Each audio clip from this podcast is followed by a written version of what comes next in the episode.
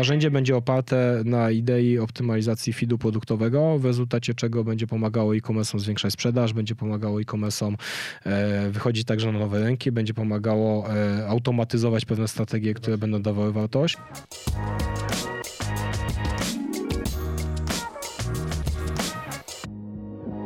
Cześć, ja nazywam się Dawid Paczka, a to jest audycja Młode Wilki. Dziś moim gościem jest Robert Stolarczyk, CEO i co-owner e, agencji digitalowej Promotraffic. Cześć Robert. Cześć Dawid, dziękuję za zaproszenie. E, mamy taką tradycję, że każdy z gości i gościń e, Młodych Wilków odpowiada taki hipotetyczny scenariusz, to znaczy załóżmy, że jestem przedstawicielem, partnerem Wielkiej Czwórki i chcę rozbudować swój, swoją ofertę konsultingową o konsulting digitalowy, więc przychodzę do Promo Traffic e, i chciałbym was po prostu nabyć, akwizy- zrobić waszą akwizycję. No i teraz moja prośba jest taka, czy mógłbyś zrobić mi elevator pitcha? Myślałem, że będzie jakaś rozgrzewka, jakieś, nie wiem, ulubione zwierzę, piesko czy coś takiego. E, jak to jest pierwsze pytanie, to myślę, że ciekawie będzie się e, toczyła ta, ta audycja, ale, ale postaram się e, to zrobić. W najprostszych słowach, gdybym miał powiedzieć o Promotraffic, to powiedziałbym, że rzeczywiście jest to agencja zajmująca się digital marketingiem, pracująca głównie dla takiego segmentu rynku, jakim jest e-commerce i biznes B2C, czyli taki, który daje customer sprzedaje jakieś powiedzmy produkty, czy też realizuje jakieś, jakieś usługi. E, I efektem naszej pracy zwykle jest e, generacja ruchu na stronach internetowych, w sklepach, przekuwanie tego ruchu w konwersję, polepszanie rentowności e, tej sprzedaży, oczywiście jej skalowanie, pozyskiwanie klienta z rynku też zagranicznego. I zwykle, zwykle po to jesteśmy dla klienta zatrudniani, coraz częściej też w jakichś obszarach strategicznych. Dodatkowo warto byłoby na pewno powiedzieć, że jesteśmy napędzani nowoczesną technologią. E, to jest e, na dużym poziomie ogółu, ale możemy sobie to prowadzić, jeżeli będzie potrzeba doszczegóławiać. Więc agencja digitalowa, e, głównie dla e-commerce B2C pracująca, e, skoncentrowana na marketingu cyfrowym, e, na usługach w związku z tym realizowanych w połączeniu z technologią. Na ilu rynkach działacie? Z ilu, z ilu krajów macie klientów i ilu tych klientów Wiesz co, my klientów, my klientów mamy głównie polskich, e, ale w takim sensie, że jeżeli pracujemy dla jakiejś marki, która jest globalna i jej kapitał nie wywodzi się z Polski, no to rozmawiamy z jakimś e, polskim jej reprezentantem, country managerem czy, czy, czy e, jakimś dyrektorem marketingu na Polskę. E, jest rzeczywiście gro tego typu firm, dla których pracujemy.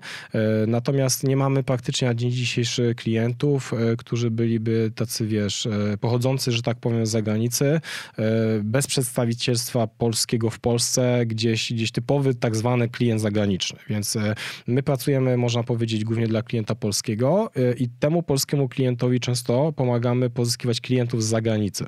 Czyli czy raczej nie zdarza się nam sytuacja, w której to jest klient y, z USA i my mu pomagamy robić digital na rynku amerykańskim. Y, częściej jest to sytuacja taka, że to jest klient, który wywodzi się z Polski i chce pozyskać klienta z rynku amerykańskiego. I my tam, my rzeczywiście robimy digital na tamtym rynku, generując dla niego Ja to, ja to troszkę podrążę, bo to jest mhm. bardzo ciekawe to, co powiedziałeś i mnie to zastanawia. Dlaczego myślisz, nie, nie macie klientów z zagranicznych rynków, aby robić stricte e, digital marketing na ich rodzimych rynkach? Barierą są, nie wiem, kwestie językowe, czy klient zagraniczny w ogóle nie postrzega polskich agencji digitalowych jako potencjalnych partnerów biznesowych? Fajnie, że o to pytasz, bo chętnie, chętnie się wypowiem. Myślę, że mamy jakąś perspektywę całkiem wiarygodną. Natomiast dlaczego tak jest, to dlatego, że nie zaplanowaliśmy tego. Czyli nie mieliśmy takiej strategii, e, nie planowaliśmy tego, nie zależało nam na tym, nie tak e, i nie w tym kierunku rozwijaliśmy agencję i to jest jeden, jedyny powód, dla którego to się nie stało. Gdybyśmy podjęli taką strategiczną decyzję, jakiś czas temu, e, to pewnie tak by dzisiaj było. Gdybyśmy podjęli taką decyzję dziś, to pewnie za jakiś czas też by tak było. E, natomiast e, to jest, to jest why tego, dlaczego, dlaczego mm, realizujemy te kampanie na rynkach zagranicznych często, bo nie zawsze też z sukcesami, bo, bo, bo dużo się musi rzeczy złożyć na ten sukces to nie jest tylko agencja. Dla klienta jednak polskiego na rynkach zagranicznych, nie dla klienta zagranicznego. A co do drugiego twojego pytania, to dlaczego uważam, że ta, ta perspektywa może być wiarygodna. E, my jako agencja jakiś czas temu, dobre parę lat temu podjęliśmy decyzję, że chcemy być winning awards. E, że mm, chcemy być Winning Awards e, obiektywnie, czyli nie, że my się tak nazywamy, tylko ktoś stwierdził, że na to zasługujemy i to też na bazie e, nie widzi mi się tylko faktów, konkretnych liczb, wymierności, że tak powiem. A dlaczego tego chcieliśmy? Bo e, po pierwsze to chcieliśmy się benchmarkować nie tylko z rynkiem krajowym, ale także agencjami z innych rynków, nie tylko europejskich. Chcieliśmy się z nimi porównać, zestawić w jakichś powiedzmy obiektywnych konkursach efektywnościowych, a nie piękności bo tu też bym je rozróżnił. A są takie konkursy w waszej Myślę, że są. Myślę, że są też takie konkursy, które nazwałbym konkursami piękności. Oczywiste. Ja się zadaję drugie pytanie. Uważam, że 99% tak. konkursów biznesowych jest konkursami e, piękności, z czego 70 pewnie procent jest konkursami mhm tak, zwanymi, e, tak zwanym sposobem na to, aby zwiększyć wpływy z potencjalnej sprzedaży marketingowej danego medium, które przeprowadza ten konkurs. I teraz pytanie, bo tu powiedziałeś ciekawostkę, że ch chcemy być winning, e, ciekawą rzecz, winning um, awards mhm. w konkursach jakościowych. No i zastanawiam się, jakby, czy istnieją faktycznie obiektywne konkursy jakościowe dla Zaraz chętnie ci na to odpowiem, tylko skończę ten wcześniejszy wątek. Udział polskich e, agencji w, powiedziałbym, tych konkursach efektywnościowych, które ja zakwalifikowałem osobiście jako bardziej wiarygodny niż mniej,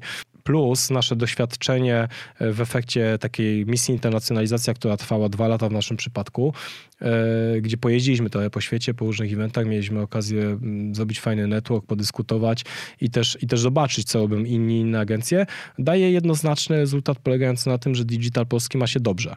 E, dowody też na to, jak sam w sobie Google w obszarze szeroko rozumianego digitalu inwestuje w Polsce i głównie też w Warszawie, budując tutaj hub na całą e, Europę Środkowo-Wschodnią, czy, czy, czy co dzieje się w przypadku wielu takich już globalnych korporacji mediowych, które decydują się na to, że jednak na przykład w Warszawie będzie takie centrum na Europę Środkowo-Wschodnią kompetencyjne w obszarze digitalu. Jest go takich dowodów na to, że ten polski digital kompetencyjnie i myślę, że też technologicznie naprawdę ma się ok, nie ma się czego wstydzić. I to jest, i to jest coś, co u mnie buduje ten pogląd, o którym powiedziałem. Natomiast wracając do twojego pytania, e, to pytałeś o to, czy, czy, czy, czy moim zdaniem są tego typu plebiscyty, konkursy i, i, i, i dlaczego tak sądzę, tak? Uważam, że uważam, że są, nie mogę mieć na to gwarancji, bo wiesz, nigdy do końca nie wiesz, co się dzieje za, za kulisami tak? Natomiast jeżeli widzę sytuację, w której e, w jury są autorytety, które rzeczywiście obiektywnie za takiego powinny być uznane w efekcie swojej wiedzy, dorobku i tak dalej, e, plus, plus jest, e, no jasne, są jasne tego też zasady, jest to silnie zanonimizowane, zdecentralizowane w rozumieniu nawet rynku, czyli to jest coś mocno międzynarodowego, z mocno takim wymieszanym środowiskiem, no to ufam temu bardziej, bo wiem też, jak trudne w ogóle jest przygotowanie dobrego zgłoszenia i dobrego na przykład case'a do tego typu konkursu, ile kosztuje e, i jak jest w ogóle naszpikowane danymi, analityką, e, efektami. Tam nie ma bullshitu żadnego e, i, i, i nikt tego nie kupuje. Oczywiście story pewne dobre musi być, bo, bo, bo musisz trafić do kogoś, kto ocenia setki zgłoszeń i twoje jest jedną z setek czy tysięcy, żeby zakwalifikował cię, że dobra, no to w tej kategorii powinieneś być top 10 czy 20 na całą Europę nominowany, tak?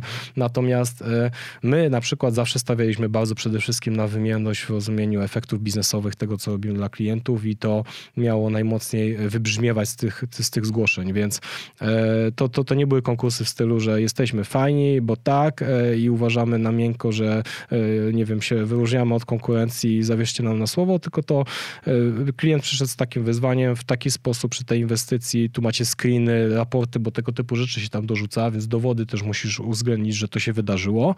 Zaowocowały bardzo, bardzo konkretnymi, mierzalnymi wynikami. W digitalu to jest fajne, że każda złotówka jest rzeczywiście zmierzona. Idą, idąc dalej, zastanawiam się, czy wygranie jakiejś nagrody w tego typu konkursu ma przełożenie na, na biznes? Świetne też pytanie. Jeżeli ma, to dużo mniejsze niż myśleliśmy, zanim w ogóle weszliśmy w to dlatego, i dlatego wiesz, od, razu, od razu wiesz, jakby, jakby to też stąd zacząłem to drążyć, bo wydaje mi się, że pierwszy raz usłyszałem e, taką otwartą deklarację u kogoś prowadzącego biznes w skali twojego biznesu, że nasz long term goal, taki nazwijmy to wizerunkowy, jest to, aby być Winning Awards. Z trzech powodów chcieliśmy być Winning Awards. Pierwszym powodem było to, że e, zdarzały nam się briefy, w których klient wymagał tego, czyli pytał wprost, co wygraliście, gdzie zwyciężyliście, gdzie zostaliście wyróżnieni obiektywnie, e, e, gdzie, gdzie jest coś takiego i miałeś w briefie ramkę, gdzie musiałeś coś pisać. Zabolało, jak nie mogłem czegoś pisać, nie? Drugi raz był taki, że i to był najmocniejszy powód tego, tej decyzji, challenge'owanie samych siebie, porównanie się, benchmarkowanie, sprawdzenie, e, takie, taki zakład z samym sobą. I to było coś e, najistotniejszego dla nas. A trzecia rzecz to była teza polegająca na tym, że znajdziemy, znajdą się na rynku firmy, które e, a, same chcą być Winning Awards, no to z kim mają działać? Z tymi, którzy też mają płacić na Winning Awards. My e, mamy w naszym DNA bardzo głęboko With Us, E, to nie jest zwrot z plakatów, e, z toalety e, czy z jakiegoś neonu w biurze, mimo że tam też się potrafi znaleźć. To jest coś, co naprawdę głęboko płynie w naszych życiach, ży, żyłach, przepraszam. Jeżeli to grow u was się nie dzieje, to my się czujemy niekomfortowo. Znaczy nie, no bo wiesz, jakby wydaje mi się, że jednym z fundamentalnych założeń agencji digitalowej powinno być to, że jeżeli partnerstwo jest wieloletnie, no to jeżeli nie spełniasz tego aksjomatu i założenia w postaci grow with was, no to w jaki, po co klient powinien z wami, z wami iść dalej tą drogą. Nie? Ale wiesz, są klienci, którzy kiedy usiądziesz z nimi i chcesz porozmawiać o celach e, krótko i długoterminowych, to mają z tym problem, e, bo ich nie znają, nie wiedzą, nie wyznaczyli sobie, albo jest im ok, jak jest. Czyli niespecjalnie chcą rosnąć. Pod, podtrzymajcie po tak, prostu tak, i to, jest, i to jest teraz pytanie takie, czy ty jako na przykład agencja jesteś dobrym partnerem dla tego typu biznesu? Nie, nie mówię, że tak czy nie. Nie chcę, nie chcę w tym momencie w jakimś sensie próbować podejmować jakiejś decyzji, natomiast e, warto sobie tego typu pytania długofalowo zadawać, bo tak jak są spore koszty e, nieudanej rekrutacji, to są na pewno bardzo duże koszty nieudanego partnerstwa na linii agencja marka, tak? E, wiemy o tym, że nieudana rekrutacja potrafi 100 koła kosztować. E, myślę, że wielokrotnie więcej potrafi kosztować nieudana współpraca z agencją, więc myślę, że na takie pytania warto sobie odpowiadać. No, wydaje mi się, że nawet, że to jest obustronne, bo z drugiej tak, strony, jeżeli tak, się na nastawiasz na wieloletnie partnerstwo z punktu widzenia agencji, a później ta współpraca się wysadza, imploduje, czy wysadza w powietrze i ona nie ma miejsca, no to twoim kosztem utraconym są tak zwane no, całe LTV, które by tak. powinno wynikać tak, z, tej, tak. z tej współpracy. Nie? No mówiąc wprost, jeżeli się ta współpraca w przypadku naszego modelu biznesowego kończyłaby do, do roku około, no to trzeba powiedzieć sobie, że najprawdopodobniej, jeżeli takie nie było planu od początku, jest ona nieudana, jest porażką obu stron. I te obie strony za to zapłaciły jakąś cenę. E, zawsze, zawsze jak te współprace zaczynamy, rozmawiamy o tym i dobrze byłoby, aby jednak te partnerstwa i te współprace były projektowane pod dłuższą perspektywę, czyli co najmniej kilkuletnią. Czym dzisiaj dzisiaj pod kątem liczb jest e, Promotrafik? Jakiego typu to jest firma? No my będziemy mieć w lipcu 10 urodziny więc można powiedzieć, że jesteśmy dekady na rynku. E, dziś Promotrafik to jest 80 osób i tyle liczy zespół zatrudniony w Krakowie. E, na liście płac tych ludzi to pewnie jest dwa razy więcej, bo, bo sporo osób tworzących dla nas teści pracuje w takim modelu e, full, full gdzieś tam zdalnym w jakimś sensie od zawsze, ale zawsze, kiedy ktoś pyta o te liczby osób pracujących w agencji, to odnoszę się do tego, ile, ile tych ludzi jest tak bardziej stacjonarnie, powiedziałbym, mimo że w hybrydzie pracujemy zatrudnionych, więc jest to jest to powiedziałbym team 80 osób. E, jesteśmy na rynku dekadę. Zeszły rok zamknęliśmy wynikiem na poziomie 23 milionów przychodu total w firmie. E, pracujemy dzisiaj dla, dla e, trochę ponad setki klientów i tu często, kiedy podaję te liczby, to, to sporo osób z branży powiedzmy jest zaskoczonych, że to jest taka liczba klientów. Mała czy duża? W którą Ma, stronę? Mała są? dla nich, bo wizualizują sobie, że przy tej skali zespołu i tej skali e, wyników e, na przykład przychodowych powinna być to liczba kilkukrotnie większa. No bo to jakby to tak uściślając, no to wychodzi, że masz, jeżeli to jest liczba 100, no to macie 230 tysięcy przychodu per klient średnio.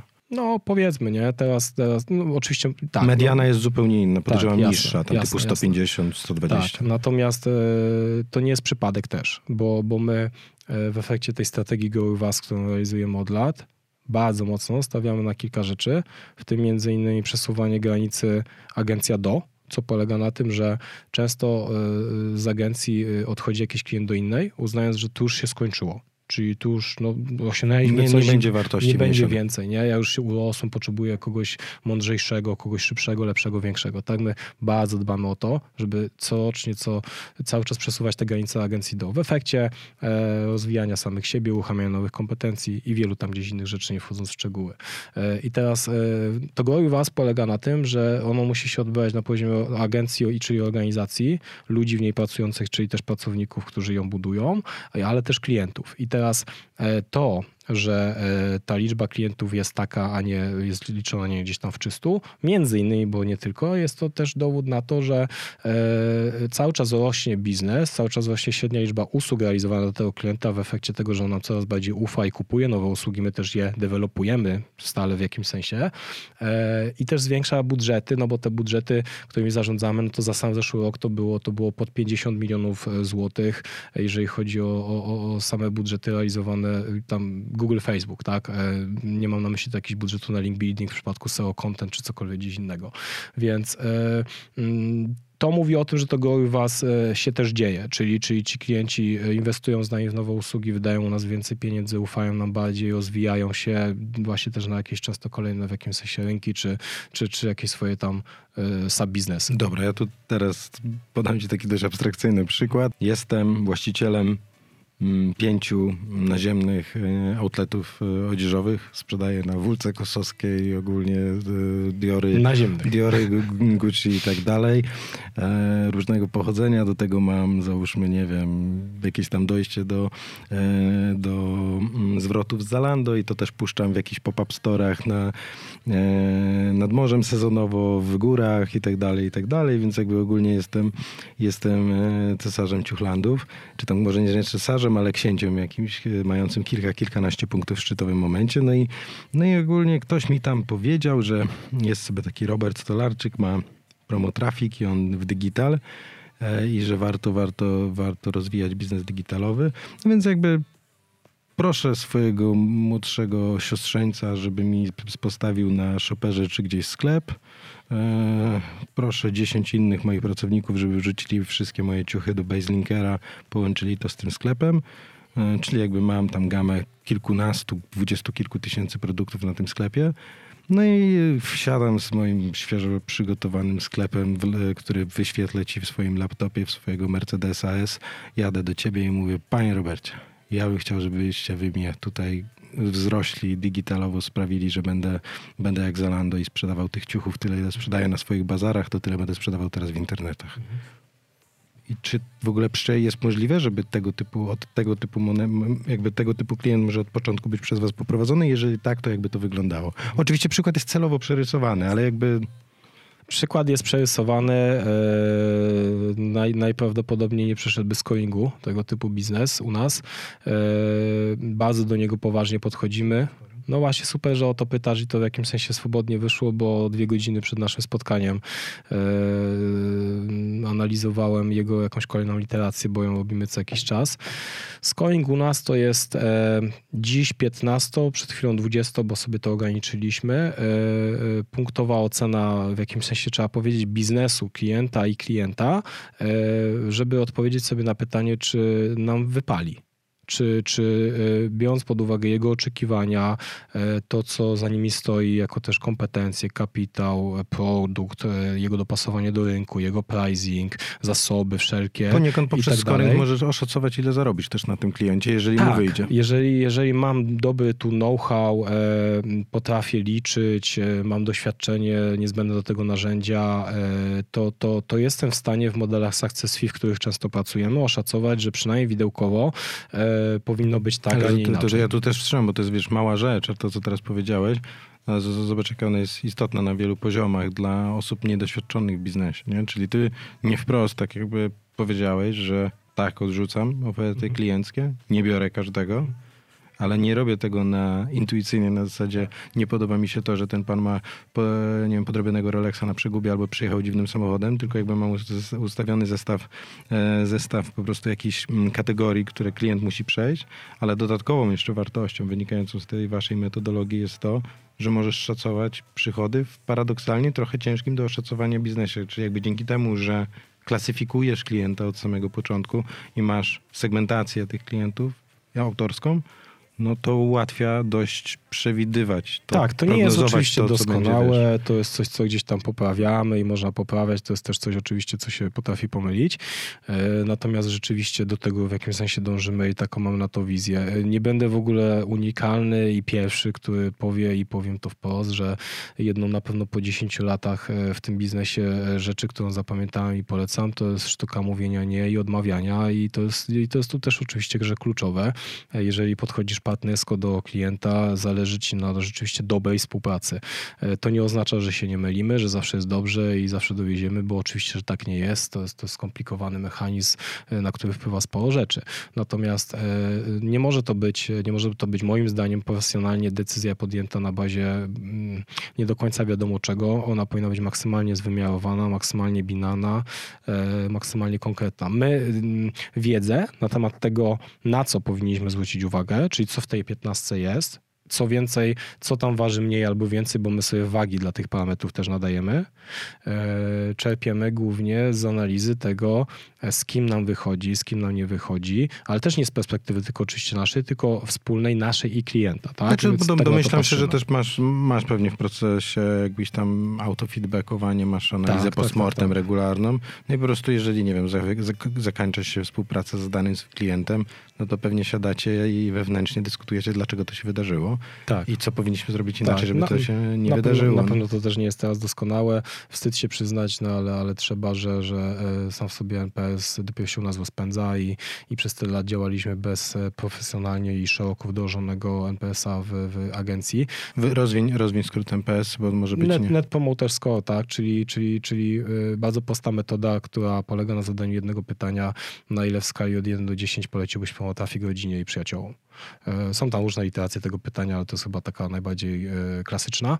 E, I teraz w zależności od tego, jakie uzyskasz odpowiedzi, to możesz mieć feedback w związku z tym, że masz tam powiedzmy promotorów twoich marki, takich ambasadorów, osoby poniekąd neutralne albo osoby, które no, są niezbyt przychylnie do twojej marki nastawione. Mm, bardzo prosta w zasadzie metoda. Uważam, że mocno wartościowa. My podrygi z nią związane już realizowaliśmy, ale jakieś tam konsekwencje frekwencji systemu na to brakło, teraz to domykamy. Jako insight mogę dorzucić to, bo myślę, że nie każdy może na to wpadać, że my na tyle szeroko o tym pomyśleliśmy, że poza tym, że e, będziemy w taki sposób e, badać puls współpracy z klientem, to będziemy też badać puls współpracy wewnętrznych czyli, czyli będą e, też robione międzydziałowe w filmie NPS-y i takie też indywidualne na zasadzie troszkę... Anonimowe? Znaczy nie zawsze pewnie anonimowe. E, tu jeszcze sobie to dogrywamy, jaka metoda dokładnie będzie zastosowana. E, na pewno jakiegoś zaufania do tego potrzeba, e, na pewno potrzeba udowodnienia tego, że to nie jest, wiesz, informacja, która ma służyć temu, żeby komuś obciąć wynagrodzenie, tylko to jest informacja, która ma być jedną z wielu informacji branych pod uwagę przy projektowaniu ścieżki rozwoju człowieka, zwrócenia uwagi na przykład na to, gdzie ma pole do performance'u i pomóc mu w tym, żeby ten performance osiągnął. Więc tak o tym myślimy. Okej. Okay. Wróćmy jednak do tego mojego przykładu, tego mm, outletowego cinkciarza. Załóżmy, że jestem trochę bardziej ogarnięty jednak i załóżmy, że mm, jestem już e, dość mocno w sprzedaży internetowej, ale sprzedaję tylko jednym kanałem za pomocą Allegro. Na tym Allegro mam rozbudowany bardzo sklep, sklep internetowy z tymi ciuchami. No i sprzedaję załóżmy 3000 koszyków, średnia wartość zamówienia 130 zł czy 190 tysięcy e, przychodu miesięcznie. No i mam sporą marżowość, załóżmy na tych produktach robię 60% marży, 12-13% pobiera ode mnie prowizji Allegro od kwoty całego wolumenu. 11 mhm. załóżmy chyba biorą mhm. na tekstyliach. I czego chcesz? Chciałbym, żebyście uniezależnili mnie od Allegro. Mhm.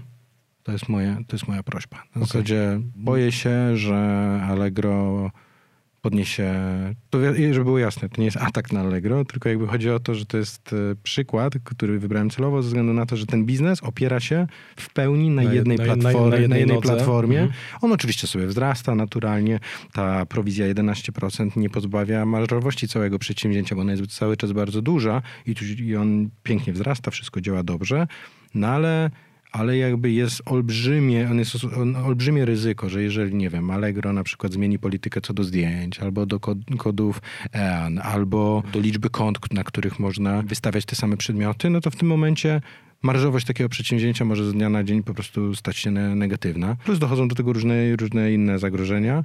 No i po prostu czuję wewnętrzną potrzebę, że chciałbym mm, zacząć być uniezależniony poprzez to, żeby sprzedawać też na in, inny, innymi kanałami. I czy wy jesteście w stanie mi pomóc? E, dobra, zacznę od tego, że e, zawsze dochodzi do rozmowy. Czyli to, to nigdy nie jest tak, że nawet gdybyś przyszedł z tym totalnie abstrakcyjnym przypadkiem, to nigdy nie jest tak, że ktoś, kto się do nas zgłasza, e, nie ma jakiejś informacji zwrotnej. Zdarzyło się w ciągu 10 lat kilkukrotnie tak, że mimo, że staraliśmy się dać asertywnie kulturalną informację odmowną, to klient się trochę obruszył na zasadzie tego, że jak to nie zrobicie mi oferty, nie? To jak to nie chcecie, nie chcecie tu ze mną współpracować, nie? Ale to były przypadki naprawdę jakieś tam jednostkowe, z których staraliśmy się też jakieś tam wnioski wyciągać, więc gdyby tak było, to na pewno doszłoby do rozmowy i to takie myślę, że dość głębokiej, w efekcie której przez te wszystkie z 15 czynników albo więcej byśmy sobie przeszli. E, Promotrafik dzisiaj, na tyle ile to zarysowałeś, y, musiałbym prawdopodobnie, prawdopodobnie powiedzieć, że nie ma wszystkich niezbędnych kompetencji, które były potrzebne, żeby dokonać zadania, które ty określiłeś w tym momencie. Podejrzewam, że przeszkodą byłyby tu aspekty technologiczne, to znaczy, że potrzebne byłoby wdrożenie sklepu i tak dalej. To na pewno to, To, na zmo- pewno zmodyfikujmy Mhm. ten przykład o to, że mam sklep, ale nie mam na nim sprzedaży. Czyli jeżeli masz sklep, to y, ty masz po swojej stronie swojego biznesu jakieś kompetencje, jakieś zasoby ludzkie i technologiczne. Tak. Jeżeli masz taką marżę, o której powiedziałeś, która na pewno nie byłaby deal breakerem, jest ładna i wystarczająca, żeby tutaj budować swój kanał sprzedaży i w niego inwestować. Rozumiem, że nie byłbyś właścicielem tych marek, tylko dystrybutorem. Dystrybutorem. To nie jest żaden deal breaker także. E, nomen omen. Świetna współpraca nasza z jednym z naszych klientów polega na tym, że, że, że jest on dystrybutorem butów sportowych typu sneakers, e, a nie ich producentem i to jest jakiś też przykład tego, że, że, że, że nie trzeba być zawsze tym producentem kontrolującym jakąś markę, żeby było ok. Plus powiedziałeś, że jest jakiś product market fit, czyli gdzieś już próby były polegające na tym, że rynek odpowiedział, że y, akceptuje twoją ofertę, rozumiana jako produkt, cena i tak dalej, tak? Zakładam, że y, nie jest tak, że jesteś zhejtowany w sieci i okazuje Dobre się, że opinie, super ludzi, sprzedawca na Allegro. Dobre opinie i tak dalej. Plus y, z tego, co cię zrozumiałem i zapamiętałem, to mm, zakładamy, że nie byłoby jakichś barier związanych z finansami i mm, prawdopodobnie jakieś minima logistyczne budżetów, jakimi my operujemy i chcemy operować, byś też pospełniał. E, no bardzo możliwe, żebyśmy się dogadali. Na pewno musielibyśmy usiąść do stołu i na pewno w rezultacie pewnych warsztatów, rozmów musielibyśmy wypracować sobie pewną taką digitalową strategię. E, W jej ramach musielibyśmy na pewno e, po pierwsze to bardzo głęboko przeanalizować konkurencję, rozumianą jako to, z kim ty będziesz w internecie konkurował o powiedzmy, że tą sprzedaż, tak?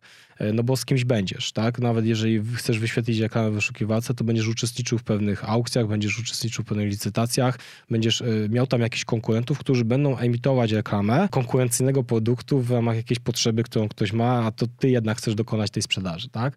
Więc na pewno będziemy musieli przeanalizować tą konkurencję i co jest fajne, to to, że my, my jako agencja należymy y, do 3% y, najlepszych partnerów Google na świecie. I super, że mogę to powiedzieć, bo ledwie tydzień temu Google ogłosiło, kto należy do tych 3%. Pojęcie premium partnera Google do tej pory było zdewaluowane. E, Dlaczego? Dlatego, że e, często było to, to porównanie takiego jabłka do górzki, powiedziałbym. W, przy, w przypadku e, na przykład e, mogło być tak, że freelancer, nic do nich nie mam i w ogóle nie zamierzam tutaj budować jakiś test, że, że tam czegokolwiek brakuje w przypadku dobrego specjalisty, który sobie działa na freelancie, ale, ale freelancer e, miał ten sam badge, e, jak na przykład nie, rzeczywiście stosowa agencja, jednak zupełnie inna uważam wartość i tak dalej, tak?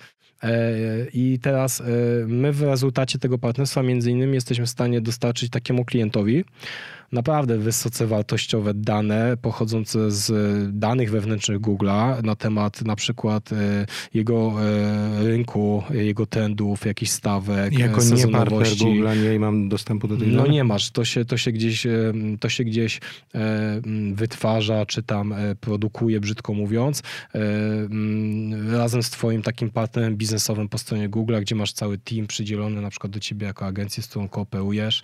E, Bardzo, bardzo mocne wsparcie, jeżeli ten team rzeczywiście e, jest, jest na wysokim poziomie, mamy szczęście takiego mieć, nie? Z Facebookiem wygląda sytuacja podobnie, poza tym, że oni to partnerstwo mają e, słabiej rozwinięte z agencjami niż, niż Google i inne, mają też po prostu na to troszkę inny model. Ale wracając do brzegu to, e, przede wszystkim w stopniu minimalnym bazujemy na odczuciach, maksymalnym na danych, też data driven to jest coś, co mocno w naszych żyłach płynie i często, ale jak nie zawsze tych liczb szukamy na popatrzcie jakiś test bądź im zap- zaprzeczenie, więc analiza rynku, analiza konkurencji, oparcie się na pewnych danych dawałoby nam jakiś fragment obrazka. Oczywiście dwa, e, analiza wewnętrzna, czyli, czyli tej nie wiem, sprzedaży tego biznesu klienta, jakichś tam stawek, jakichś tam zachowań konsumenckich. To wszystko będzie owocowało strategią, która nie będzie tylko mediowa, ale także będzie też strategią, e, która będzie e, wchodziła w obszary na przykład produkcji i dystrybucji treści i na przykład także e, budowania relacji wizerunku z klientami w ramach social mediów, bo Promo Traffic to nie agencja zajmująca się tylko performanceem,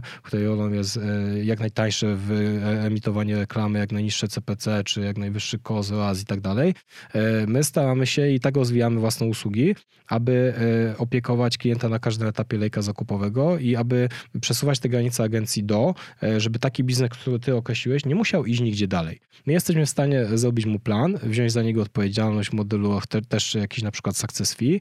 Jesteśmy w stanie zarówno zabezpieczyć mu pozyskiwanie ruchu, jego analitykę i konwersję, e, jak i e, zaplanować i zrealizować działania, w efekcie których on będzie musiał, budując taką nową, nowy kanał swój własny, jakim byłby ten e-commerce, budować też relacje z tymi swoimi klientami, bo jednym z większych zagrożeń, które nomen można niwelować, ale jednak istnieje dziś często, e, marketplace'ów, jak na przykład Allegro i sprzedaży przez nie, jest to, że masz ograniczoną relację z userem. Czyli e, jeżeli coś kupujesz na Allegro, e, to czy bardzo ci obchodzi od kogo kupujesz? Nie i do tego jeszcze ty, jak komuś sprzedajesz, to nawet jeżeli cię obchodzi to komu sprzedajesz, nie masz za bardzo po nim żadnego śladu w swojej bazie danych. Tak. Ważne jest rzeczywiście to, aby starać się kontrolować relacje z e, użytkownikiem, z twoim klientem. Tak? Mhm. E, to jest bardzo duża wartość. Uważam, że wartość, której wartość w czasie będzie rosła. W dobie third party też cookies i tak dalej które nadchodzi w jakimś sensie, także e, wartość tego będzie rosła. I, nie, no bo to wiesz, łatwo można to zwizualizować takim wiesz, prostym przykładem. Załóżmy, sprzedałeś e, w życiu na Allegro 100 tysięcy produktów 100 tysiącom osobom masz po nich tylko komentarze i oceny około 10-15%. To wszystko. Sprzedałbyś te same 100 tysięcy rzeczy na swoim e-commerce, miałbyś 100 tysięcy numerów telefonów, 100 tysięcy adresów e-mail i niesamowite możliwości. Tylko Dawid, musimy zwrócić uwagę na jedną rzecz, żeby nie powstało takie wrażenie, że Jezus, to jest takie dobre i takie łatwe, e, czemu ja jeszcze tego nie zrobiłem. E, to jest bardzo trudne. Nie, no, tak? w ogóle wiesz, sprzedać, trudne. to, to łatwo to podkreślić. No, sprzedaj czegokolwiek 100 tysięcy, dopiero tak. zacznij myśleć tak. o tym, co, że ci się nie udało zebrać od nich danych. No, sprzedanie czegokolwiek 100 tysięcy osobom jest poniekąd synonimem sukcesu. No, bo jeżeli sprzedajesz 100 tysięcy czegoś, to znaczy, że tak. dobrze ci idzie, tak? Wysyp e-commerce'ów i to, że e, tak naprawdę e, ich liczba w ogóle wchodzących na rynek jest oczywiście od pandemii w jakimś sensie e, rekordowa, biorąc pod uwagę jakieś tam interwały czasowe, w tym wszystkim nie pomaga. Natomiast osobiście mam taką tezę, że... Rozumiem to. Nie pomaga ze względu na to, no, że nie pomaga... spada return of ROASy spadają, chce... No nie pomaga głównie pod tym kątem, że ta konkurencja jest w jakimś sensie coraz większa, natomiast mało kto ją wytrzyma długofalowo, więc moim zdaniem tak, tak wiele jak tych sklepów powstaje, tak wiele tych sklepów albo będzie takimi sklepami widmo, że po prostu gdzieś tam są, no ale w sumie się tam nic nie dzieje, albo będzie po prostu sklepami, które się pozamykały, że tą próbę w jakimś sensie rynku, dawania wartości klientowi, swojej oferty, e, jakiejś tu konkurencyjności przy ciągle podnoszonej poprzeczce, bo nie wiem, czy jesteś świadomy, że na przykład polski e-konsument to jest naprawdę jeden z bardziej wymagających e-konsumentów w Europie. No na przykład jego oczekiwania pod kątem logistyki. To może nie jest mój core, tak? Ale, ale trochę gdzieś tam się oczywiście, że tym, też tym interesujemy i musimy. To biorąc pod uwagę to, e, jakie według badań, teraz nie przypomnę sobie których, ale, ale, ale, ale one rzeczywiście istnieją, E, są oczekiwania polskiego konsumenta względem timingu wysyłki, kosztów wysyłki, e, polityki zwrotów, to są oczekiwania bardzo wystrzelone w kosmos w stosunku do wielu użytkowników z innych krajów. Tak? Logistyka to jest w ogóle jeden obszar. No, można by było spojrzeć na ich w jakimś sensie,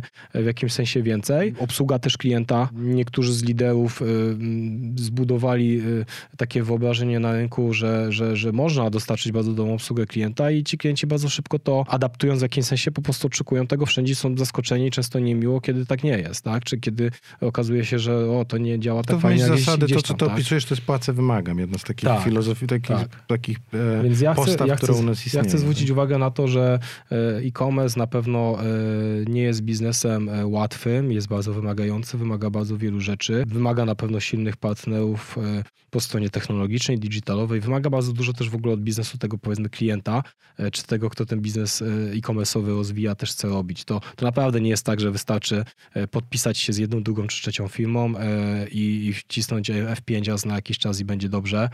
E, to jest ciężka praca i długofalowa. I co więcej, plusem pewnie samego sobie e-commerce jest to, że on szybko może osiągnąć pewną skalę, ale tak szybko jak ją osiągnął, może tę skalę też stracić w efekcie błędu wizerunkowego albo wiesz, jakiegoś fuck-upu związanego z jakąś grupą niezadowolonych klientów, albo tak naprawdę złych decyzji strategicznych w obszarze digitalowych polegających na to, na tym, to jaki kanał sprzedaży, jak budujemy, w który inwestujemy, e, jak sobie na to długofalowo gdzieś tam na przykład patrzymy. Więc to jest naprawdę wymagająca, wymagająca rzecz.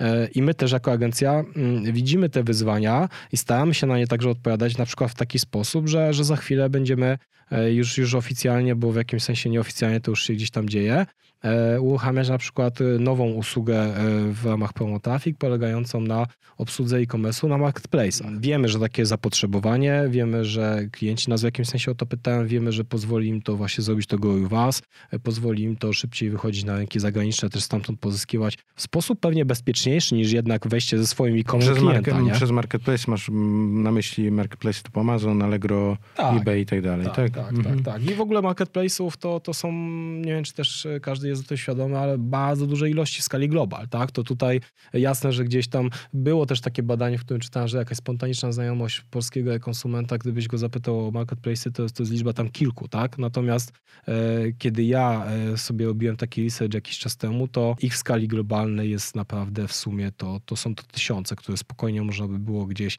e, wrzucać w całe takie kategorie B2B, B2C, segment taki czy gdzieś inny. Jest, jest ich naprawdę gdzieś tam sporo, więc e, zakładam, że będziemy rozwijać e, pod jakimś konkretnym kierunkiem, jakąś strategią te, e, te, te, te obszary marketplace'owe, w których będziemy e, skutecznie w stanie adaptować i, i tych klientów gdzieś skalować i rozwijać, to portfolio tych marketplace'ów, gdzie będziemy w stanie wytransferować klienta, będzie po prostu rosło. Żyjemy w czasach pandemii, która się jeszcze nie zakończyła.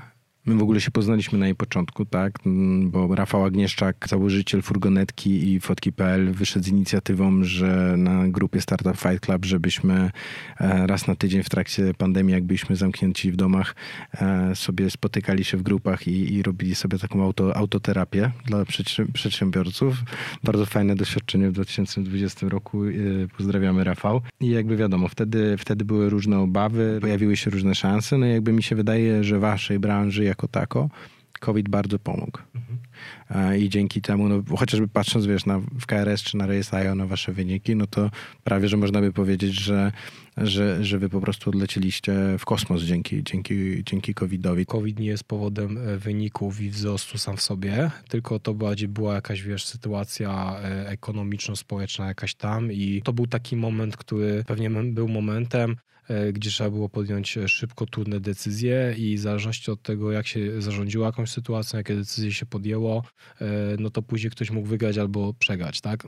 Pod tym kątem to na pewno obiektywnie trzeba byłoby stwierdzić, że na końcu nasze decyzje się obroniły. Bardzo dużo talentu udało nam się pozyskać do naszej agencji, która z roku 2019, nie przepraszam, 20 na 2001 zwiększyło, zwiększyliśmy zatrudnienie o 21%, a teraz 2021 na na, na, 2022 w zasadzie, czyli w ciągu ostatnich 12 miesięcy, e, zwiększyliśmy zatrudnienie o 42%. Więc w zasadzie taką dynamikę zatrudnienia to podwoiliśmy, już abstrahując za jakieś tam po prostu liczby, o jakich ilościach ludzi zatrudnionych mówimy. I na pewno e, fajne było to, że w jakimś sensie agencja się obroniła na rynku pod kątem, pod kątem e, wartości dla pracownika, zarówno pod kątem przyciągania tego talentu, jak i jego utrzymywania, jego rozwijania. Pewnie, że nie zawsze, bo nie da się wszystkich zawsze zadowolić, ale w większości przypadków to, to naprawdę wyglądało fajnie i, i pod tym kątem na pewno COVID był jakąś szansą, którą wykorzystaliśmy, natomiast e, da się to zrobić bez e, full remote, e, bo w niego wcale nie przeszliśmy, działamy w modelu hybrydowym,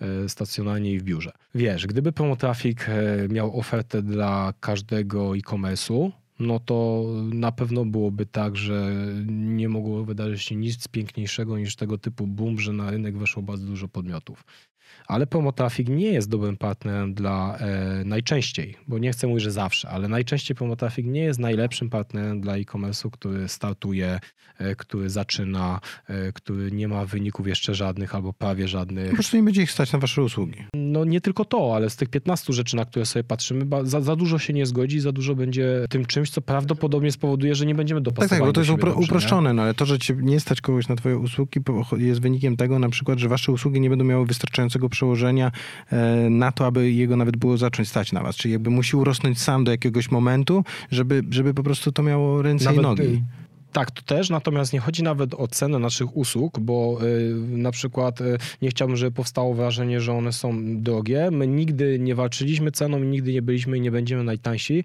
Raczej nigdy też nie byliśmy najdrożsi. Plasujemy się, zgodzę się w jakby górze widełek powiedziałbym. Natomiast porównując efektywność, jakość i to, co klient dostaje i kupuje w stosunku często do agencji y, na przykład y, należących do dużych sieciowych konglomeratów, y, y, no to, to wypadamy i mam tu konkretne dowody e, naprawdę dobrze, jeżeli chodzi o to, co klient kupuje i za ile to kupuje i jak mu to rezonuje w biznesie. E, Natomiast, natomiast e, e, z uwagi na to, co powiedziałem, my niespecjalnie odczuliśmy w dobrych współpracach, powiedziałbym, taki, taki pozytywny rezultat tego nasycenia rynku tym e-commerce'em i tej dużej ilości tych, powiedzmy, jakichś nowych e-comów, które się pojawiły. Pojawiły się za to wyzwania wręcz właśnie przeciwne, o których trochę dyskutowaliśmy w stylu, jak sobie poradzić z tym, żeby no, mimo wszystko dość szybko i dość dobrze ocenić, czy, czy warto w to wejść po obu stronach, tak? E, No bo naprawdę te, to, to nie jest tak, że gdybyś wziął jeden ikon sprzedający buty Nike i drugi ikon sprzedający buty Nike, to one byłyby identyczne. Naprawdę tutaj e, bardzo dużo rzeczy wpływa na to, że mogłyby nie być e, i jeden mógłby wygrać, a drugi w jakimś sensie stracić, więc Podrążę, jaka mogłaby być różnica na tym przykładzie, którym no, powiedziałeś? nawet tak naprawdę to, o czym wspominałem, takie, ta, takie nawet lekko poza digitalowe kwestie, jak ta obsługa klienta, jak to obsługa logistyczna i oferta na tym polu, jak w ogóle szerokość tej oferty, czy on sprzedaje e, modeli liczba 100, czy modeli liczba na przykład 5000, czy to jest raczej, są to modele droższe, unikalne, niszowe za kilka tysięcy Czy złotych poniekąd oceniacie też ten innego, nie? biznes jako biznes. Tak, no my patrzymy też na przykład na takie rzeczy jak, nie wiem, głębokość kategorii, rozumiane jako wartość kategorii, e, w której porusza się klient. Czy my rozmawiamy na przykład z biznesem, który e, sprzedaje dzisiaj za milion złotych miesięcznie, ale w kategorii wartej 500 milionów miesięcznie? Czy my rozmawiamy z biznesem, który, wiesz, sprzedaje e, o wartości milion miesięcznie w kategorii wartej półtorej miliona, to wtedy byłby kimś w rodzaju pewnie lidera monopolisty, tak? No ale to też wpływa na wszystko. No i teraz jakby, To żeby też wszystko, jasny nie? był wniosek. No ten, który działa w obszarze półtora, rynku półtora miliona, nie powinien korzystać z waszych usług. Nieprawda, bo pracujemy też dla zarówno liderów rynku, A żeby utrzymał po prostu wtedy tą E, przewagę To są inne rynkową. wyzwania. Chodzi o Dokładnie. to, że to są Mhm, inne mhm. wyzwania. Jak my odpowiemy na te wyzwania klienta, co mu zaproponujemy, bardzo do tego w ogóle podchodzimy odpowiedzialnie. Czyli e, naprawdę znam przypadki, gdzie na przykład jakaś oferta jest tworzona strasznie szybko, prawie półautomatycznie. E, słyszałem w rozmowach gabinetowych niejednokrotnie e, opinie w stylu, że podpiszmy się ASAP. E, strategia taka była, podpiszmy się ASAP, później się będziemy martwić i zobaczymy, nie?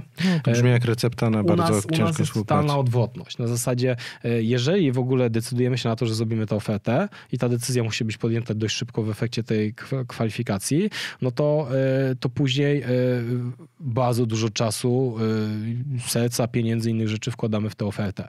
E, I fajne jest to, e, jako jakieś może być pocieszenie, kiedy nawet klient nas nie wybiera, że mamy też tutaj e, badanie jakości NPS-y i feedbacki.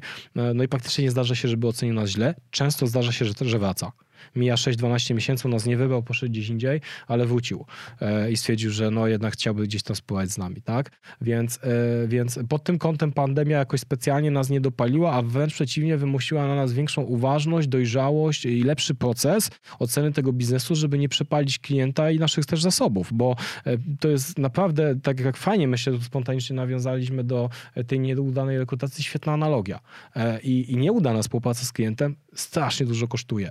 Pomyśl też o ludziach, którzy się w to angażują i którym na tym zależy, którzy nie traktują tego I wybijasz ich potem w procesie i no, jakby to też wiele, wiele to to, cenę, też nie? tutaj tak specjalnie troszeczkę wstrzymał nas, bo często klient nie rozumie, że oczywiście on przynosi potencjalne rewę, ale jeżeli jakby, jeżeli nie dość, że nie dojdzie do, potem do tej jakby materializacji się tego rewe, czyli jakby nie skeszujesz tego klienta, jak jakby nie, nie ko- skorzystasz z niego, to jakby jeszcze nie dość, że te twoje, tw- masz koszt alternatywny w postaci niezrealizowanych przychodów, a do tego jeszcze masz e, straty podstawy wewnątrzorganizacyjne, tak? Bo, Tak. bo e, zdolne jednostki, dobrzy współpracownicy cenią sobie możliwość trwania przez jakiś okres w procesie. To znaczy nie lubią być wyszarpywani z niego i przerzucani na coś nowego. Tak mi się wydaje, że jeżeli już ktoś, e, jeżeli, jeżeli ktoś wchodzi w, dane, w, dane, w daną współpracę, angażuje się w nią, wie, że będzie kierował teraz jaką, jakąś marką przez kolejne kilkanaście miesięcy, a po dwóch, trzech miesiącach ty mu mówisz sorry,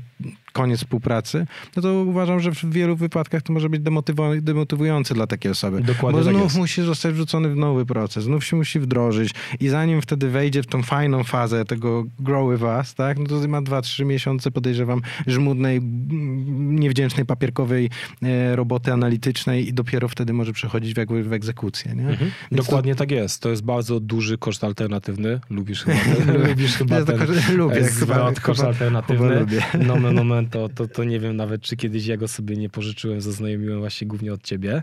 Znaczy, bo to są korzyści, koszt korzyści utraconych w ekonomii, nie? A synonimiczne wyrażenie to jest koszt alternatywny. Tak, i, i, i on jest naprawdę bardzo duży i bardzo niebezpieczny dla biznesu, e, głównie opartego o usługi, e, opartego o ludzi, bo e, my naprawdę mocno wspieramy się narzędziami, technologią i tak dalej, tak? Automatyzujemy, co możemy i w ogóle. Natomiast to i tak wszystko jest na końcu nie oparte o człowieka. I, I będę generalnie odbijał tezy w stylu, że już zaraz roboty zastąpią digitalowców, specjalistów od kampanii reklamowej i tak dalej. Nie wierzę w to. Nie wierzę w to. Może się pomylę, zobaczę, tak? Będzie przynajmniej nagranie, można będzie.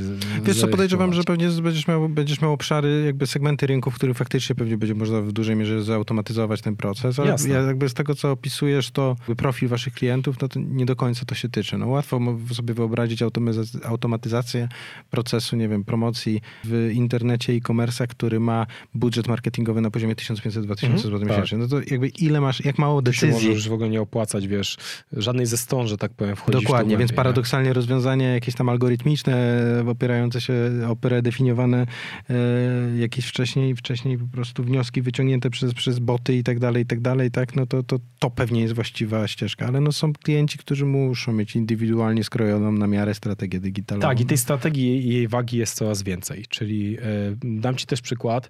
E, bardzo mocno odczuwamy na własnej skórze lukę kompetencyjną po stronie klienta, owocującą brakiem w swojej strukturze, czyli strukturze klienta, takiego skilla związanego z albo jakimś dyrektorem e-commerce, albo albo tak naprawdę w ogóle powiedzmy, że dyrektorem marketingu. Jest ich po prostu zbyt mało niż czasy tego potrzebują, czyli cała tam wiesz, transformacja cyfrowa i boom e, na, na tego typu e, obszary biznesowe e, jest większy niż tak naprawdę na rynku jest ta grupa tych specjalistów, rywalizacja u nich jest większa też i tak dalej niż była przedtem i pewnie mniejsza nie będzie i tak dalej. Tak? To jest oczywiście jakiś duży wątek, nie będę w niego teraz w jakimś sensie wchodził, natomiast mogę zdecydowanie potwierdzić, że bardzo pandemia uwidoczniła to i bardzo my to od jakichś właśnie dwóch lat widzimy i czujemy, że e, klient e, chce dziś to częściej e, i na przykład bardziej tak świadomie kupować też od agencji i może to kupić i może rzeczywiście to dostać.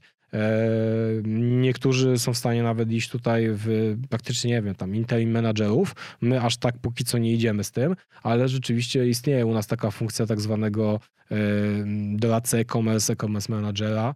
E, I, I mamy bardzo konkretne role w strukturze Customer Success opisane dla tego typu biznesu, aby dać właśnie w tym obszarze klientowi wartość, żeby był ktoś, kto myśli kilka kroków do przodu, nie skupia się na tym, co w oknie 30 dni, e, co z tą teraz zainwestowaną złotówką, tylko myśli o tym, e, co, co kurczę za 6 miesięcy, za 12, nie? Czy właśnie nie powinniśmy po- zastanowić się i, i wejść w jakiś nowy marketplace, albo jakiś nowy rynek, albo zrobić jakąś analizę, albo coś tam, coś tam spróbować zasymulować, tak?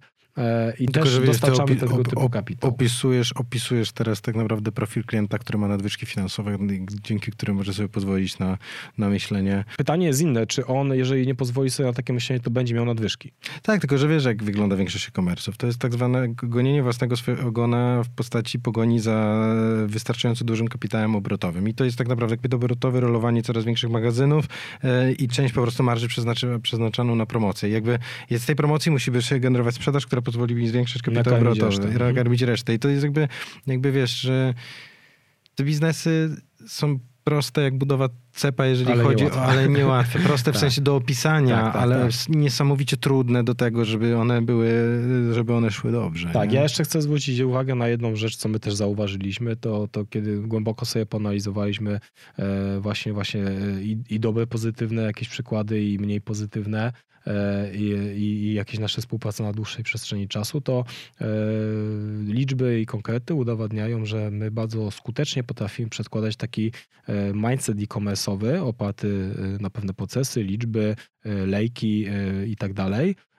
na biznes, który właśnie e-commerce'owy nie jest. I naprawdę fajnie nam się współpracuje z, z podmiotami, które nie mają w takiej, wiesz, klasycznym rozumieniu biznesu opartego na transakcji online, ale na przykład muszą sobie lidy wygenerować online, tak? Bo, bo, bo sprzedają jakiś tam soft i potrzebują tych lidów. E, Mówisz o biznesach typu, które na przykład, nie wiem, na swoich landingach czy swoich stronach mają tak naprawdę formularze kontaktowe i, i jakby chodzi o to, żeby wygenerować hot leada im, którego następnie trzeba w interakcji jakiejś e, analogowej, nazwijmy telefonicznej, przekuć w klienta po Tak, na, na przykład tak, e, bądź, bądź nawet mówię o biznesach, które nie mają takich potrzeb wielkich i celów performanceowo-lidowych, ale mają cele bardziej wizerunkowe. Brand czyli awareness zbudowany. Dokładnie, zależy im na tym, żeby wyjść z odpowiednim komunikatem w odpowiednim momencie do rynku na temat nowego produktu albo, albo w ogóle jakiejś swojej marki czy oferty.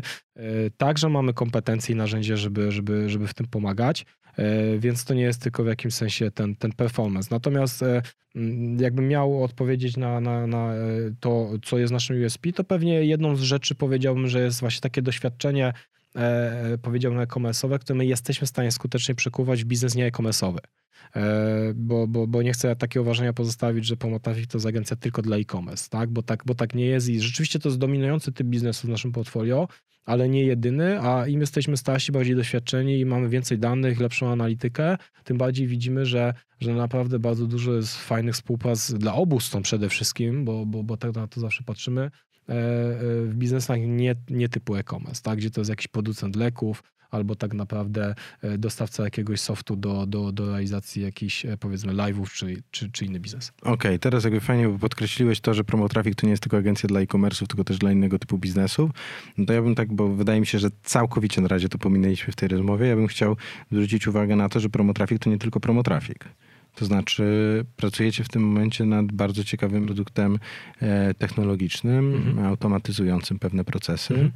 Czy możesz coś o nim powiedzieć? To przedsięwzięcie i ta inwestycja ma przede wszystkim budować siłę Promotrafik. Nie jest planowana na dzień dzisiejszy jako jakaś totalnie osobna noga, jakiś totalnie osobny brand. Bardzo możliwe, że tam się nim okaże. Nie jest też żadną nowością to, że firmy e, oparte e, o model biznesowy polegający na e, usługach na przykład digitalowych inwestują w technologię, technologię gdzieś własną, szukają tej drogi do Martechu, szukają tej drogi do, do odskoczni od klasycznego modelu usług e, jakiś B2B. E, My także dostrzegliśmy już jakiś czas temu lukę. Dość długo w naszych głowach e, był pomysł na, na narzędzie, które będzie wspierało, mówiąc ogólnie wprost, skalowanie przychodów e-commerce'u, nie wchodząc w detale, jak to dokładnie będzie robić i co przez to rozumiem. No i przekuliśmy to tak naprawdę w konkret polegający na tym, że udało nam się w zeszłym roku pozyskać dofinansowanie na poziomie regionalnym w kwocie e, bodajże około 650 tysięcy złotych. E, Projekt wymagał dofinansowania e, w kwocie minimum e, ekstra kolejnych 300 tysięcy po stronie naszej. My w rezultacie jeszcze więcej gdzieś w to inwestujemy i, i- w to dokładamy. E, Natomiast narzędzie będzie oparte na idei optymalizacji feedu produktowego, w rezultacie czego będzie pomagało e-commerce'om zwiększać sprzedaż, będzie pomagało e-commerce'om wychodzić także na nowe rynki, będzie pomagało automatyzować pewne strategie, Dwa które szybkie pytania. Jak to narzędzie się nazywa? Nazwy jeszcze nie ma, więc A, okej. nie chciałbym w jakiś To, sensie na, nazwy... to, narzędzie to byłaby dobre, dobra nazwa swoją drogą, dość, dość trollerska, Dystul, ale... Distul, Distul, ale mm, drugie pytanie, fit produktowy. Co to jest fit Właśnie produktowy? miałem to, miałem to powiedzieć, bo zdaję sobie sprawę, że nie każdy może wiedzieć. Feed, feed produktowy jest to e, w najprostszym rozumieniu e, plik, najczęściej XML, który jest wygenerowany we, z silniku sklepowego, e, który zawiera twoją ofertę produktową. Czyli masz tam listing produktów z jakimiś konkretnymi parametrami. I teraz to jest e, coś w postaci e, serca, e, które musi być wykorzystane do pompowania pewnych informacji do już silników reklamowych. Czyli jeżeli emitujesz reklamę w interfejsie reklamowym Google'a, to musisz podać Google'owi ten feed, e, bo Google musi wiedzieć, co masz w ofercie. Musi wiedzieć, czy masz takie buty, czy inne, jak je opisać, jakie mają zdjęcie, ile masz tych kolorów, jakie masz jakieś ich na przykład stan magazynowy, tak? E, I teraz sztuka polega na tym, żeby e, ten feed e, skutecznie optymalizować pod każdy z tych silników reklamowych. Po pierwsze inaczej, po drugie według jakichś na wyższym poziomie rzędu strategiach reklamowych, zakładających jakieś, jakieś konkretne cele też efektywnościowe czy wizerunkowe. I to jest jakby jedna rzecz. Natomiast drugą rzeczą też jest to, że obok pojawia się coraz większa potrzeba po stronie sklepów polegająca na takiej automatyzacji, automatyzacji na polu opisów tych produktów, które są wyświetlane na stronie. Czyli często dziś jest tak, że na stronie widzimy na przykład jakiś opis produktu i ten opis jest zwykle w efekcie większych e, sklepów zasysany z różnych miejsc. To jest jakiegoś ELPA, to jest jakiegoś innego miejsca e, i jest problem w zarządzaniu tym, jest problem też w automatyzowaniu pod jakieś konkretne cele i dane tego typu informacji.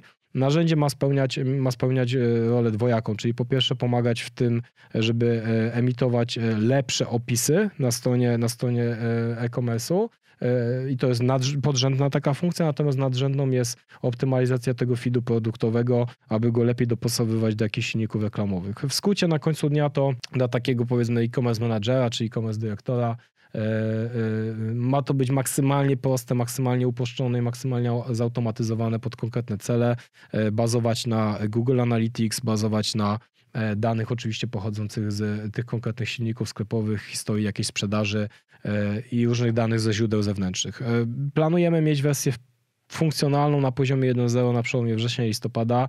Na pewno będziemy w, myślę tutaj trzecim kwartale tego roku jakieś już beta testy prowadzić e, na jakiejś wybranej grupie klientów, którzy się też na to zgodzą i będą chcieli w takim trochę eksperymencie w jakimś sensie uczestniczyć z naszej, z naszej puli klienckiej i na pewno to nasi klienci będą pierwszymi beneficjentami tej technologii e, i, i zależy na tym, aby odczuwali wartość ze współpracy z Promotraffic między innymi w tego typu efekcie, czyli żeby oni dostali informację, słuchajcie, normalnie to czegoś takiego na przykład nie ma albo trzeba byłoby za to ekstra zapłacić. E, nie wiem dziś, czy będą musieli za to ekstra zapłacić, czy nie jeszcze, natomiast, e, natomiast na pewno gdyby mieli, no to i tak by im się to bardzo musiało opłacić i już nasza głowa, żeby tak było, ale chciałbym, żeby byli pozytywnymi beneficjentami tego produktu i e, i to traktuję też jako taką inicjatywę, która ma nam pomóc. Może transformować się to duże słowo, ale gdzieś też inwestować w technologię, inwestować w obszar martechowy, w połączenie marketingu z tą technologią, E, co, co, co gdzieś nie, niewątpliwie jest po prostu ważne, żeby, żeby ciągle ten puls trzymać, tak? Żeby ciągle tą wartość klientowi dawać, przesuwać znowu tą granicę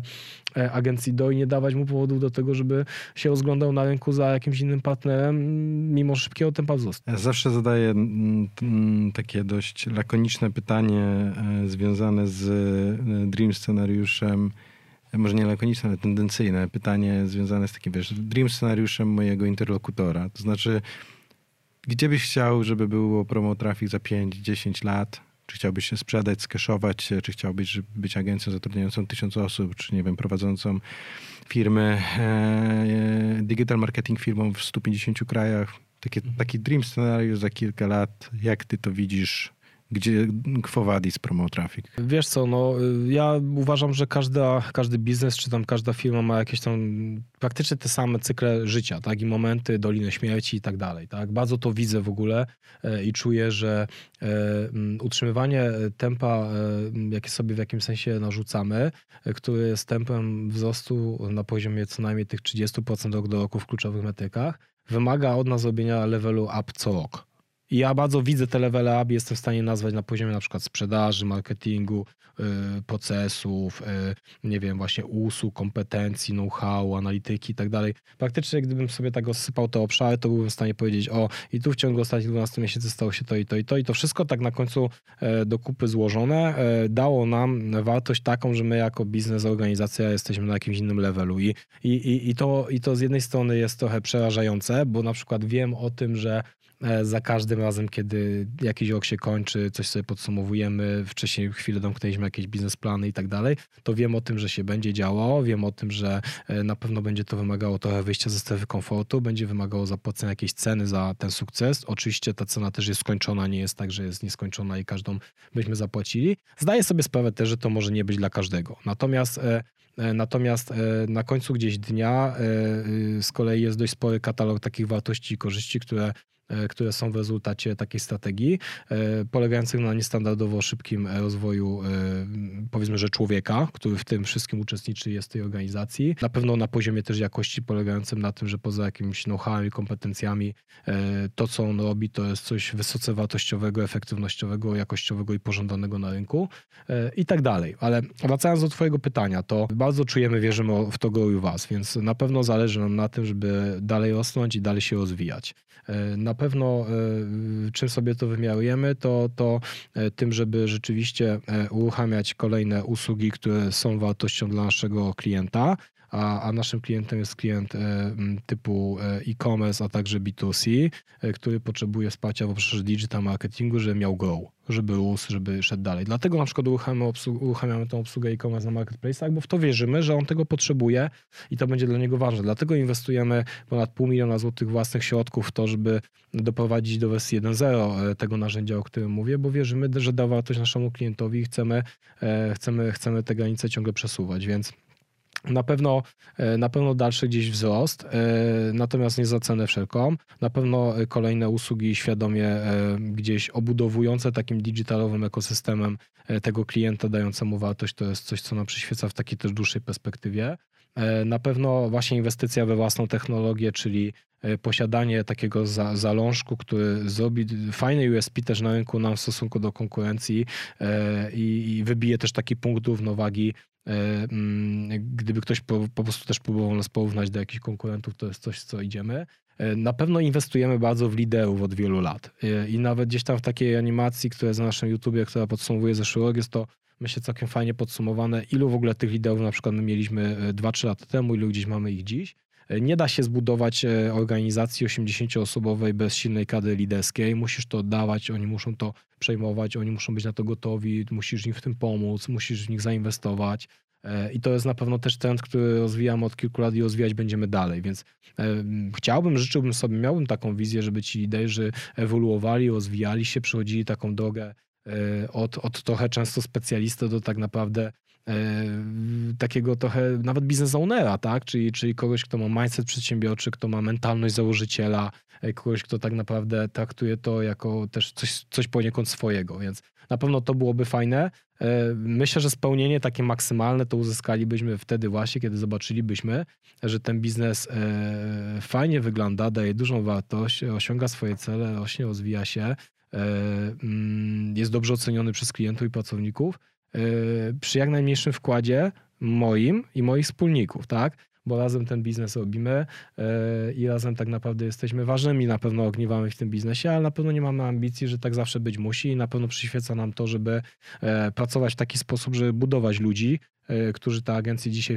tworzą razem z nami, żeby oni mieli sposobność do tego, żeby ich jakby udział w tym biznesie był coraz większy, jego ich przełożenie na niego także. Stworzyć strukturę partnerską, która pozwoliłaby wam w dowolnym momencie przejść na pasyw, jako pa, na pasyw, tak? Żeby, żeby nie musieć być aktywnie zaangażowany w, w działania spółki bieżące. Na pewno to byłoby fajne, bo to byłaby jakaś podstawa do tego, żeby stworzyć bardziej trwałą organizację, która mogłaby bez, bez, bez tych e, mm, e, udziałowców, powiedzmy, istnieć, tak? E, Myślę, że ktokolwiek, komu się to udaje, mm, powinien mieć poczucie takiego e, spełnienia i dojścia do pewnego momentu, do którego dociera uważam, że bardzo mało firm, bo, bo, bo e, stawiam tezę, że dużo jest bardzo uzależnionych od swoich, e, powiedzmy, że właścicieli i gdyby ich po prostu z dnia na dzień wyjąć, no to dni tych firm mogłyby być po prostu policzone. Nie? Wskaźnik sukcesji w Polsce jest, i udanych sukcesji jest przerażająco niski. Ja nie, nie chcę teraz strzelać z głowy, ale 1 do 9 chyba. Tak, więc, e, więc myślę, że w jakimś sensie nie jedyną, ale miałą sukcesu byłoby to, czy ta firma byłaby w stanie przeżyć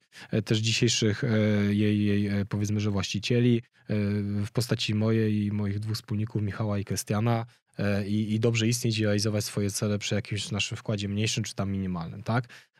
Nie, nie przyświeca nam, wiesz co, to, żeby na siłę albo za wszelką cenę zatrudniać e, 150, 200 czy 300 osób podchodzimy do tego w taki sposób, że to, ile mamy ludzi na pokładzie, to jest bardziej rezultat tego, co, jak i dla kogo robimy. Czyli nie, nie jest moim celem samym sobie podwoić liczbę zatrudnionych ludzi, tak? Z, nie, z 80 do 160, ale jeżeli będzie tak, że e, klienci e, będą e, dalej chcieli z nami współpracować mocniej, szerzej, będą mieć tą wartość, będą widzieć, to oczywiście będziemy się pod tym kątem rozwijać, będziemy inwestować w kolejne gdzieś talenty, zatrudniać kolejnych ludzi, szkolić ich pewnie jeszcze w jakimś sensie mocniej. Natomiast to jest bardziej rezultat jakiejś pracy, która jest gdzieś tam wcześniej i taki jakiś efekt uboczny twoich ruchów i wyników. Więc to nie jest cel, cel nadrzędny. A spotykam się z takim, wydaje mi się, podglądem, poglądem, że bardzo często e, mam wrażenie, że, że ktoś próbuje ocenić jakiś właśnie sukces biznesowy na, e, w efekcie tego, e, ile tam masz ludzi u siebie. Nie? I, to, I to rzeczywiście mówi często jak, o tym, mm, jakie masz te doliny śmieci, jakie wyzwania masz i co już ci się udało, bo jest to oczywiste, że jeżeli ktoś ma 80 tych osób, to on musi mieć już tą kadę liderską, nie? A może ktoś ma 30 osób i jest w sytuacji, w której będzie stał przed tym wyzwaniem. No to fajnie byłoby być może pogadać, bo ktoś jest kilka kroków dalej, tak? Znaczy wiesz, to w ogóle ogóle jakby patrzenie na wielkość organizacji pod tym kątem określania jej sukcesu. No są firmy, które zatrudniają 10 tysięcy ludzi i, nie są break-even. No jakby to nie, nie, ma zupełnie znaczenia. Z drugiej strony, po drugiej stronie masz, nie wiem, OpenSea, które przy 32 pracownikach w sierpniu zeszłego roku wygenerował 75 milionów rewe. Więc miara ilości zatrudnionych ludzi to nie jest na pewno jedyna albo jakaś nawet super słuszna miara sukcesu. E, myślę, że e, opinia, e, opinia pracowników, opinia klientów, wyniki satysfakcji, retencja, NPS-y, zdrowotność biznesu to jest coś, co nas na przykład kręci Tylko wiesz co, jakby, wiesz, to, to jest ciekawe i to jest taka podstawowa różnica. Hmm, masz biznes, ja określam mianem tradycyjnego biznesu. To znaczy, to jest brick and mortar type of business, tylko że w 2021 roku. Tak?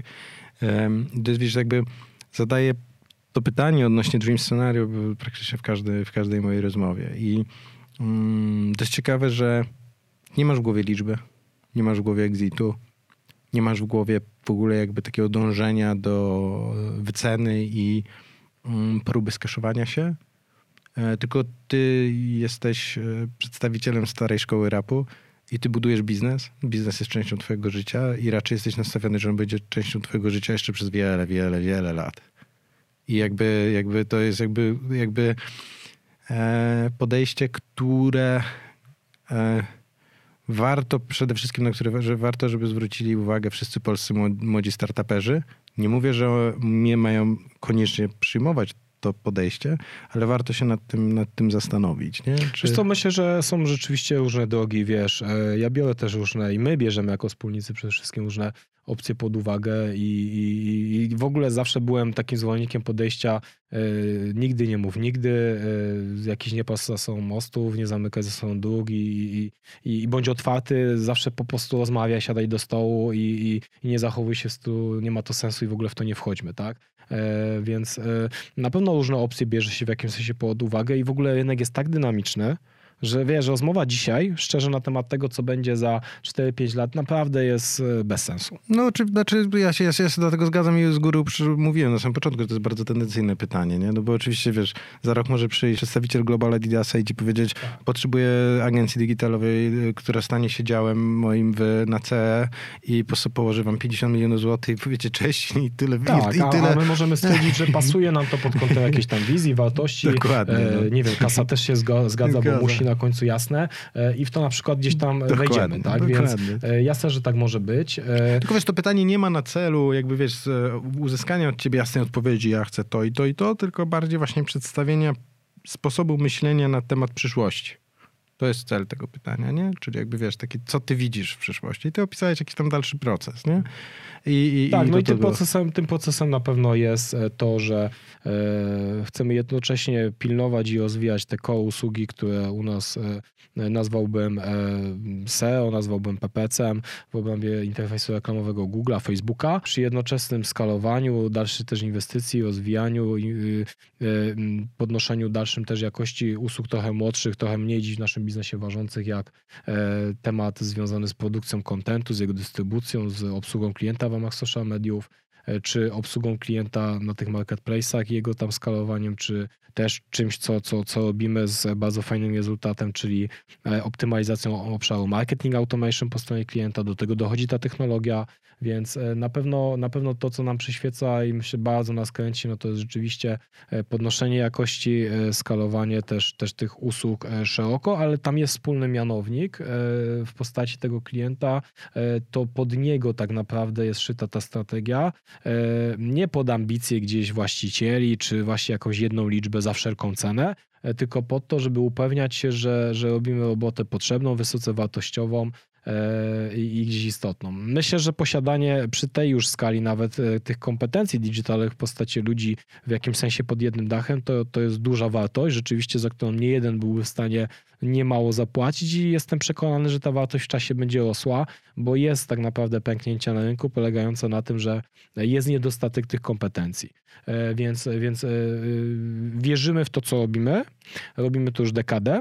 E, Wierzymy w to, że zmiany powinny być ewolucyjne, a nie rewolucyjne. Staramy się rozpatrywać takie trendy globalne i trendy jutro, pojutrze, nie patrzeć tylko na polski rynek i na to, co dzisiaj. E, Inwestujemy tam, gdzie czujemy, że warto. No i przede wszystkim też właśnie inwestujemy w ludzi, pracując w taki sposób, żeby e, starać się dawać im coraz większą autonomię, starać się dawać im coraz większą decyzyjność, budować ich jako silnych liderów, którzy w coraz większym stopniu pewnie będą w jakimś sensie w tym biznesie po prostu partycypować. Ja myślę, że tym, e, tym podsumowaniem możemy, możemy zakończyć naszą dzisiejszą audycję. E, Bardzo Ci dziękuję, Robert, za Bardzo rozmowę. dzięki za rozmowę, zaproszenie, przyjemność po mojej stronie. Również po mojej. E, Ja tak troszkę, nie, nawet nie że żartobliwie, ale ja szczerze kibicuję narzędziu waszemu martechowemu, ale kibicuję przede wszystkim temu, żebyście je naprawdę nazwali to narzędzie, czyli Distool, bo powiem ci szczerze, że, że tego typu nazwy zazwyczaj łapią, łapią trakcję w taki absurdalny sposób wymyślone i pierwszą rzeczą, jaką, jaką zrobię, to po, po naszej rozmowie sprawdzę na GoDaddy, czy distool.com jest, jest, jest wolny, nie? I zareze- zarezerwuję je od razu, żeby potem wam je sprzedać za 10 Żałuję, że nie mam pod ręką telefonu, bo miałem to już zrobić w przerwie technicznej. E, też o tym pomyślałem, natomiast e, no, słuchaj, z całą sympatią nie mogę tego obiecać, ale też tego nie wykluczam, natomiast e, e, bardzo wierzę w to, że rzeczywiście będzie o nim głośno, że ono się obroni przede wszystkim na rynku i że za jakiś czas, jak będziemy sobie rozmawiać, to przypomnimy sobie tę rozmowę. Pewnie. E, Dziękuję wszystkim widzom za to, że dotrwaliście do końca i co, moi drodzy, wszystkiego dobrego i do następnego.